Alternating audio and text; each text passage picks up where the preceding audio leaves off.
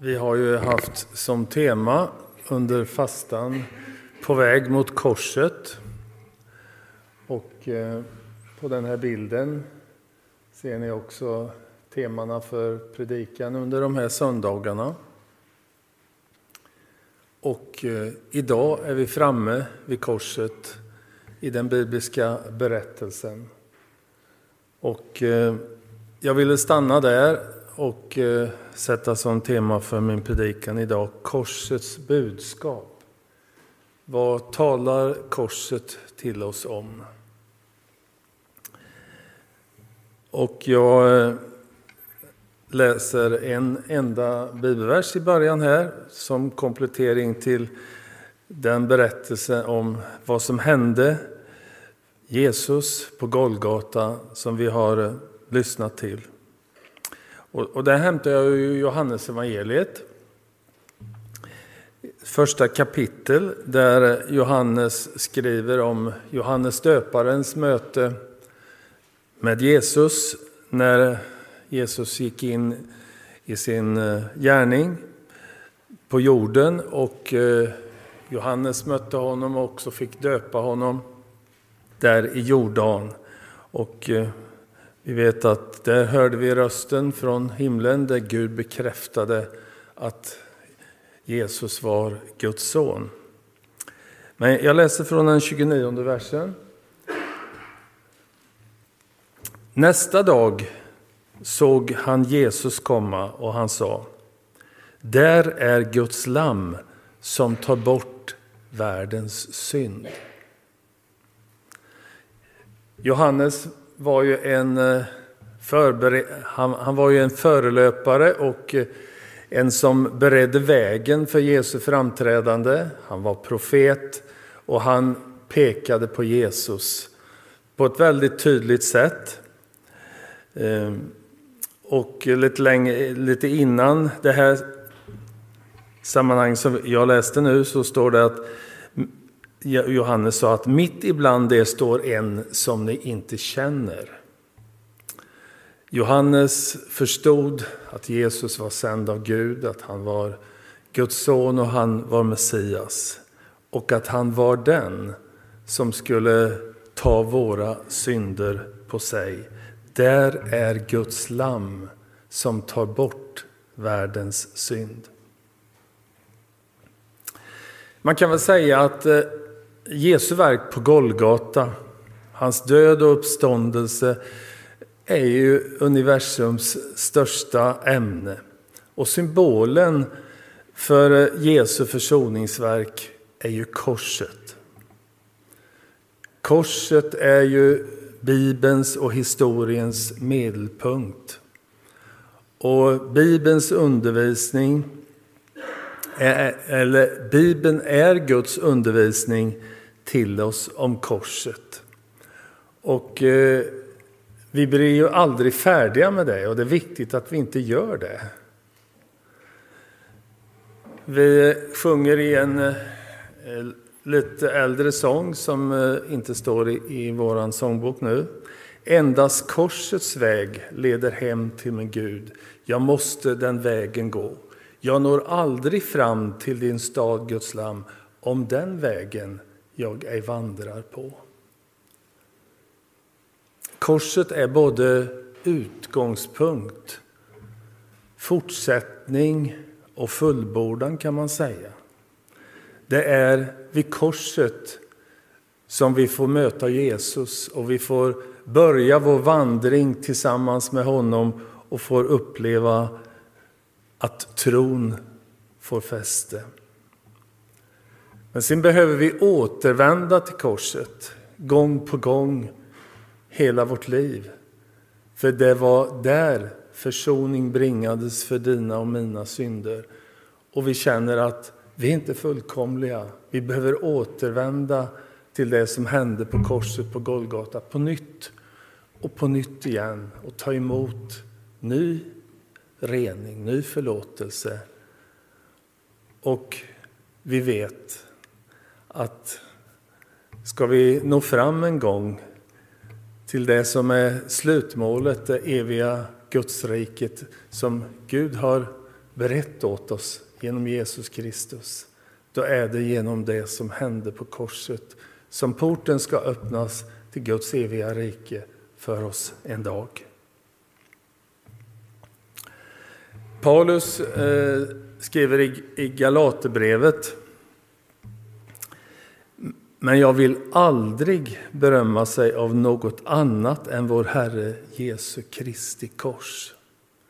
Det var hans berömmelse att tala om vad korset hade för budskap till oss människor och har för budskap till oss människor. Han mötte Jesus på Damaskusvägen. Han fick uppleva det nya livets verklighet och blev en Jesu lärjunge. Och det budskapet, det slutade han aldrig att förkunna. Han ville inte berömma sig av något annat. Några saker som jag ville peka på idag.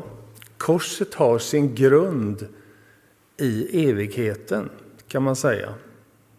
Korset har sitt ursprung hos Gud före skapelsens morgon.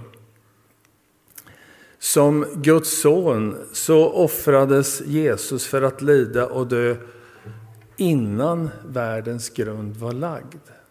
Jag vill läsa ett par bibelställen som, som talar om det här. Vi går till Efesierbrevet, det första kapitlet.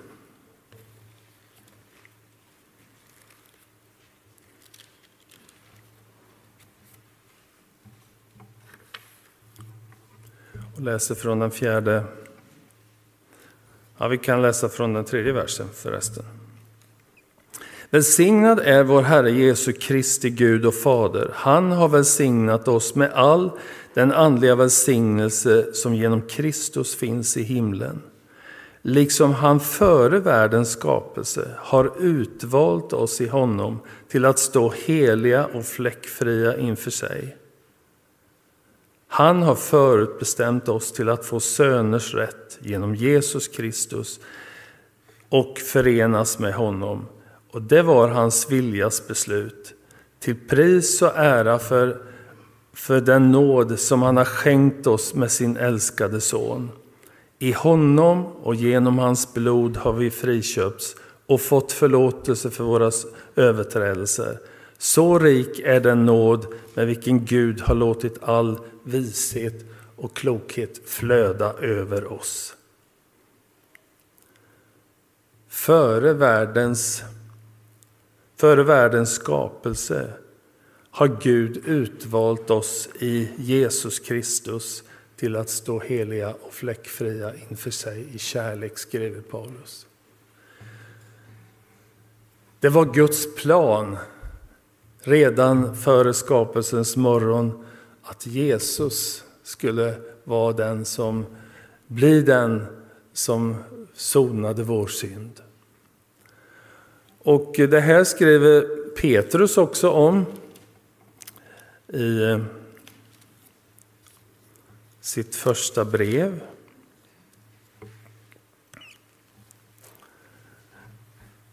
Den artonde versen läser vi.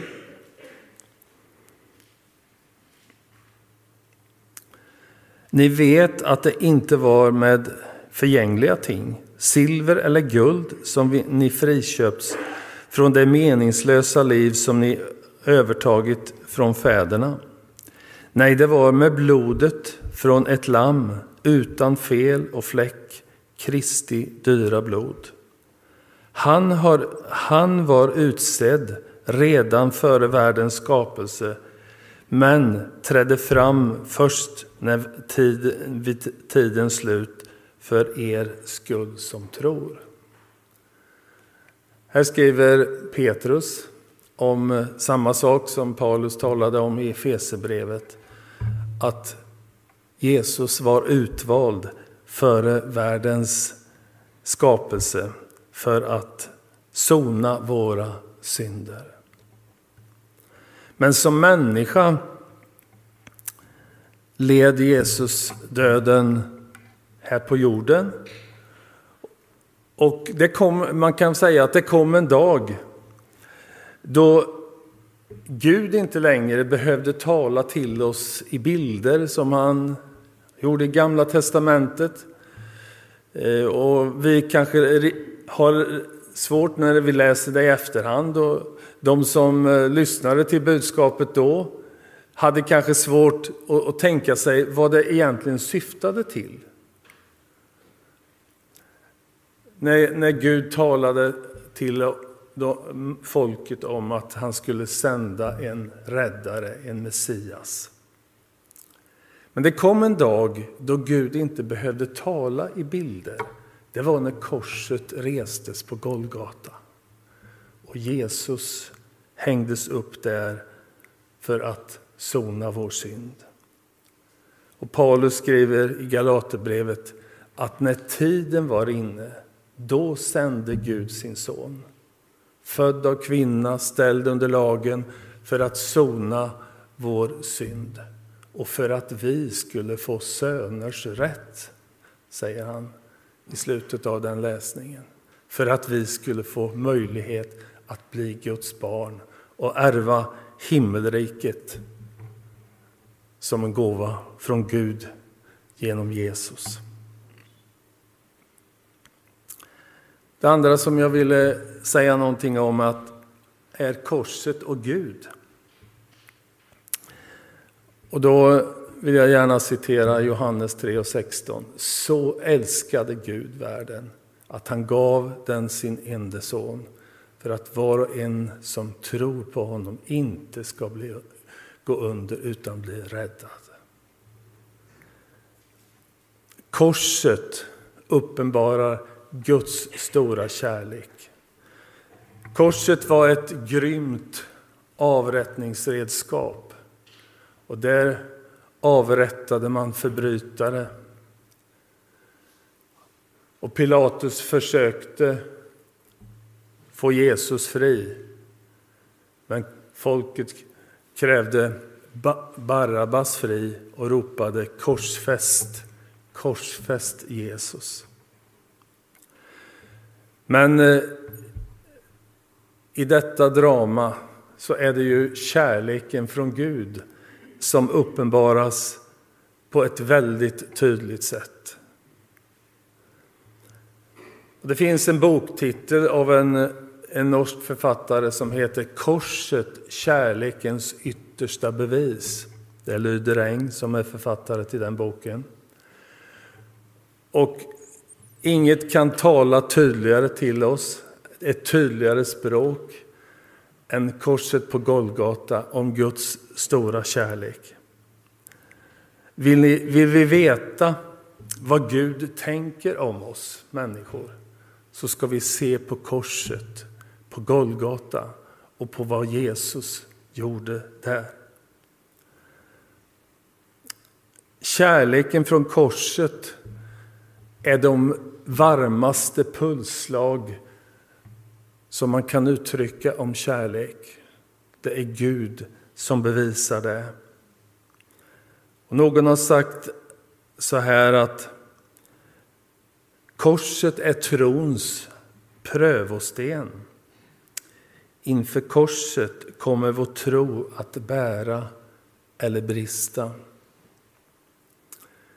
Jag hoppas att vi känner att när vi tänker på korset på Golgata och vad Jesus gjorde där, då känner vi att det är trons grund.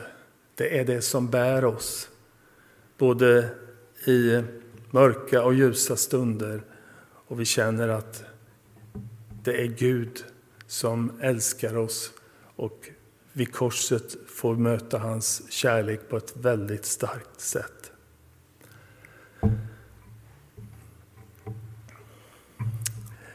Eh, vi tror, eh, vår tro behöver den här fasta punkten där vi känner att vi har ett fäste som, som bär. Och så får vi komma åter till, till Jesus, till korset och uppleva att tron får ny kraft och ny näring. Jag citerade en gammal sång förut och jag kan citera en till med budskap om korset. Vid korset finns rum för dig. Vid korset finns rum för dig. Miljoner där står, men plats finns ändå. Vid korset finns rum för dig. Och så är vi i det läget att vi alla känner att vi är välkomna till korset. Vi är välkomna till Jesus och ta emot vad korset kan ge, av oss, ge åt oss. Och då vill jag nämna en sak till. Korset uppenbarar Guds kraft på ett speciellt sätt. Paulus skriver i Romarbrevet 1 och 16 att jag skäms inte för evangelium.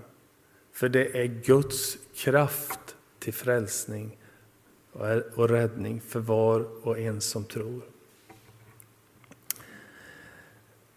Det gamla är förgånget, något nytt har kommit, läser vi också i ett bibelord. Och eh, genom mötet med, med Frälsaren så får vi uppleva syndernas förlåtelse. Vi får bli upprättade människor i, i vår gudsrelation och vi får leva det nya livet med Jesus. Och den kraftkällan, den, den flödar ju lika starkt idag. Och vi känner att människor blir upprättade, människor upptäcker vad Jesus har gjort genom sin död och uppståndelse och man vill ta emot budskapet om att han dog för våra synder. En punkt till. Korset är sanningens grundval. Paulus säger i första Korinthierbrevet 3 och 11 att en annan grund kan ingen lägga än den som är lagd. Och det, då syftar han på att Jesus har dött för våra synder. Det är grunden för kristen tro. Budskapet om Jesu död och uppståndelse var det första som Paulus förkunnade när han kom till Korint. Och vi ska läsa om det i eh, Första Korinthierbrevet 15.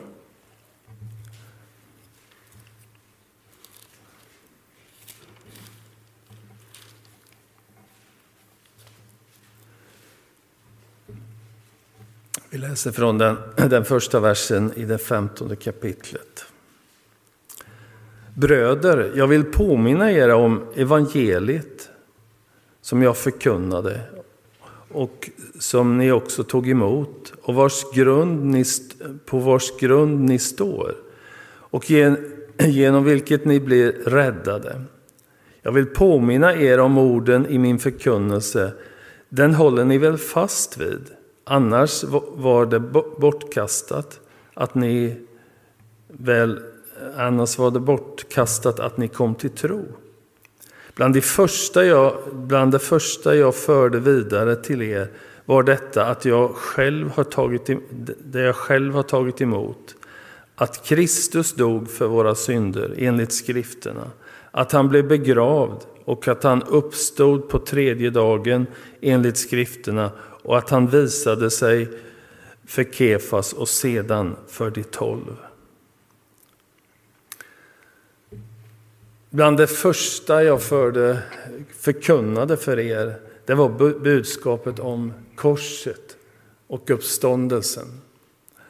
Det var, det var dit Paulus ville föra församlingen i Korint för att få kunskap om vad som var grunden och vad som var sanningens grundval för kristen tro. Och eh, det, när vi läser Paulus brev i Nya Testamentet så ser vi att han eh, återkommer till det här, alltid. Att grunden är vad Jesus har gjort genom sin död och uppståndelse. Det är grunden för vår tro.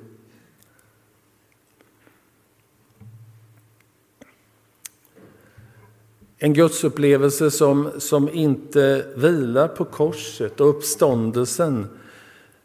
Den kommer ju att rasa för oss en dag. Om vi kommer upptäcka att jag har byggt på fel grund. Och vid tröskeln till evighetens port är det bara en sak som gäller för oss alla, det är Guds nåd. Och Guds nåd har ju uppenbarats på ett så tydligt sätt genom korset på Golgata. Vi är alla syndare, syndens lön är döden. Men Jesus har tagit våra synder på sig genom sin död på korset. Och vi får gå fria och uppleva Guds nåd.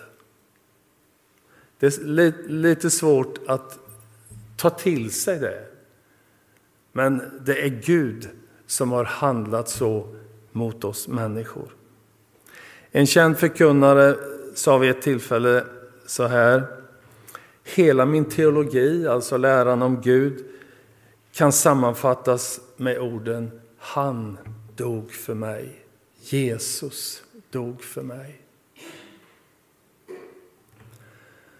Lydia Littell är ju en, en känd sångförfattare.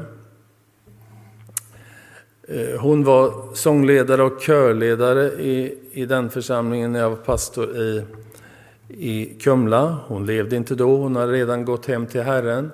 Men eh, när man sökte i eh, arkivet och i, i kyrkan så hittade man mängder av sångböcker och hennes sångskatt var otroligt rik. Hon hade en stor sångarskara som hon ledde och hon hade barnkörer och, och mandolinorkester och allt vad det var. Men en av hennes mest kända sånger som hon skrev precis innan hon dog är väl sången Det enda jag vet. Den, den heter det enda, det enda som bär. Och eh, texten är så här bland annat. Det enda jag har inför den vita tronen är Kristi kors och blodets säkra grund.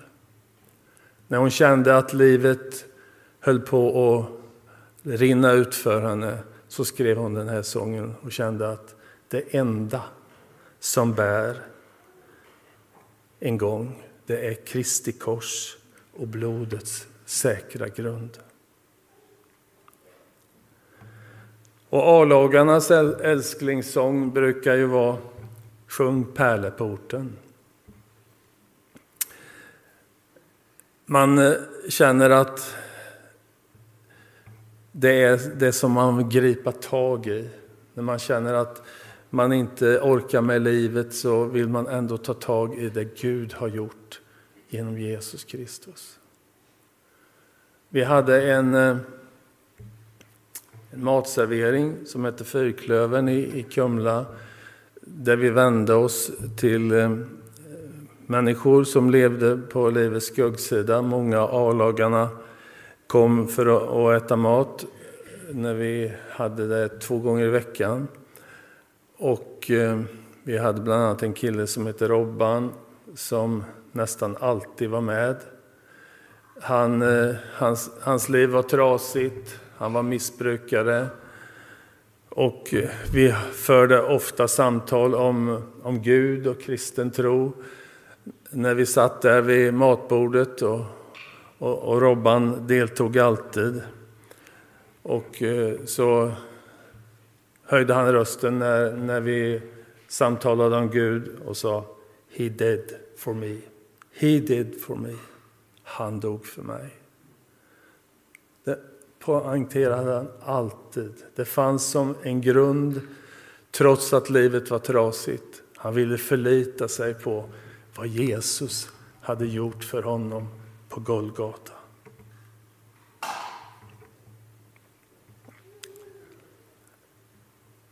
Ett av de orden som Jesus uttalar på korset i Johannes evangeliet 19.30, det är ju orden det är fullbordat.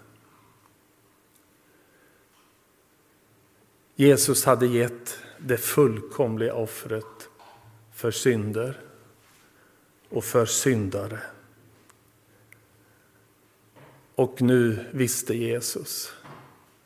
Det står att han gav, sedan gav han upp andan när han hade sagt de orden. Det var det fullkomliga offret när han gav sitt liv för oss på Golgata. Och vi läste här i början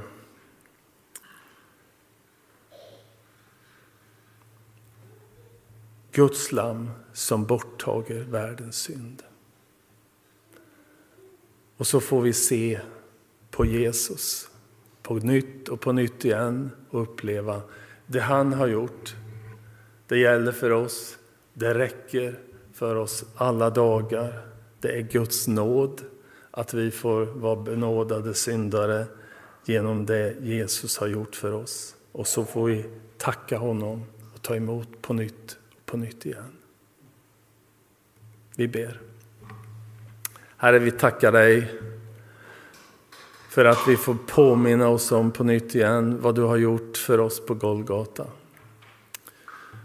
Tack att du är försonaren för all världens synd. För mina och för alla andra synder. Herre, tack att vi får stå vid korset den här stunden och ta emot på nytt igen. Och uppleva att det är nog. Tack Herre Jesus för att du ser på oss i nåd och kärlek. Och du möter oss med ny nåd och ny kärlek varje dag. Tack Herre för att vi får vara dina barn av nåd på grund av det som hände på korset på Golgata. Amen.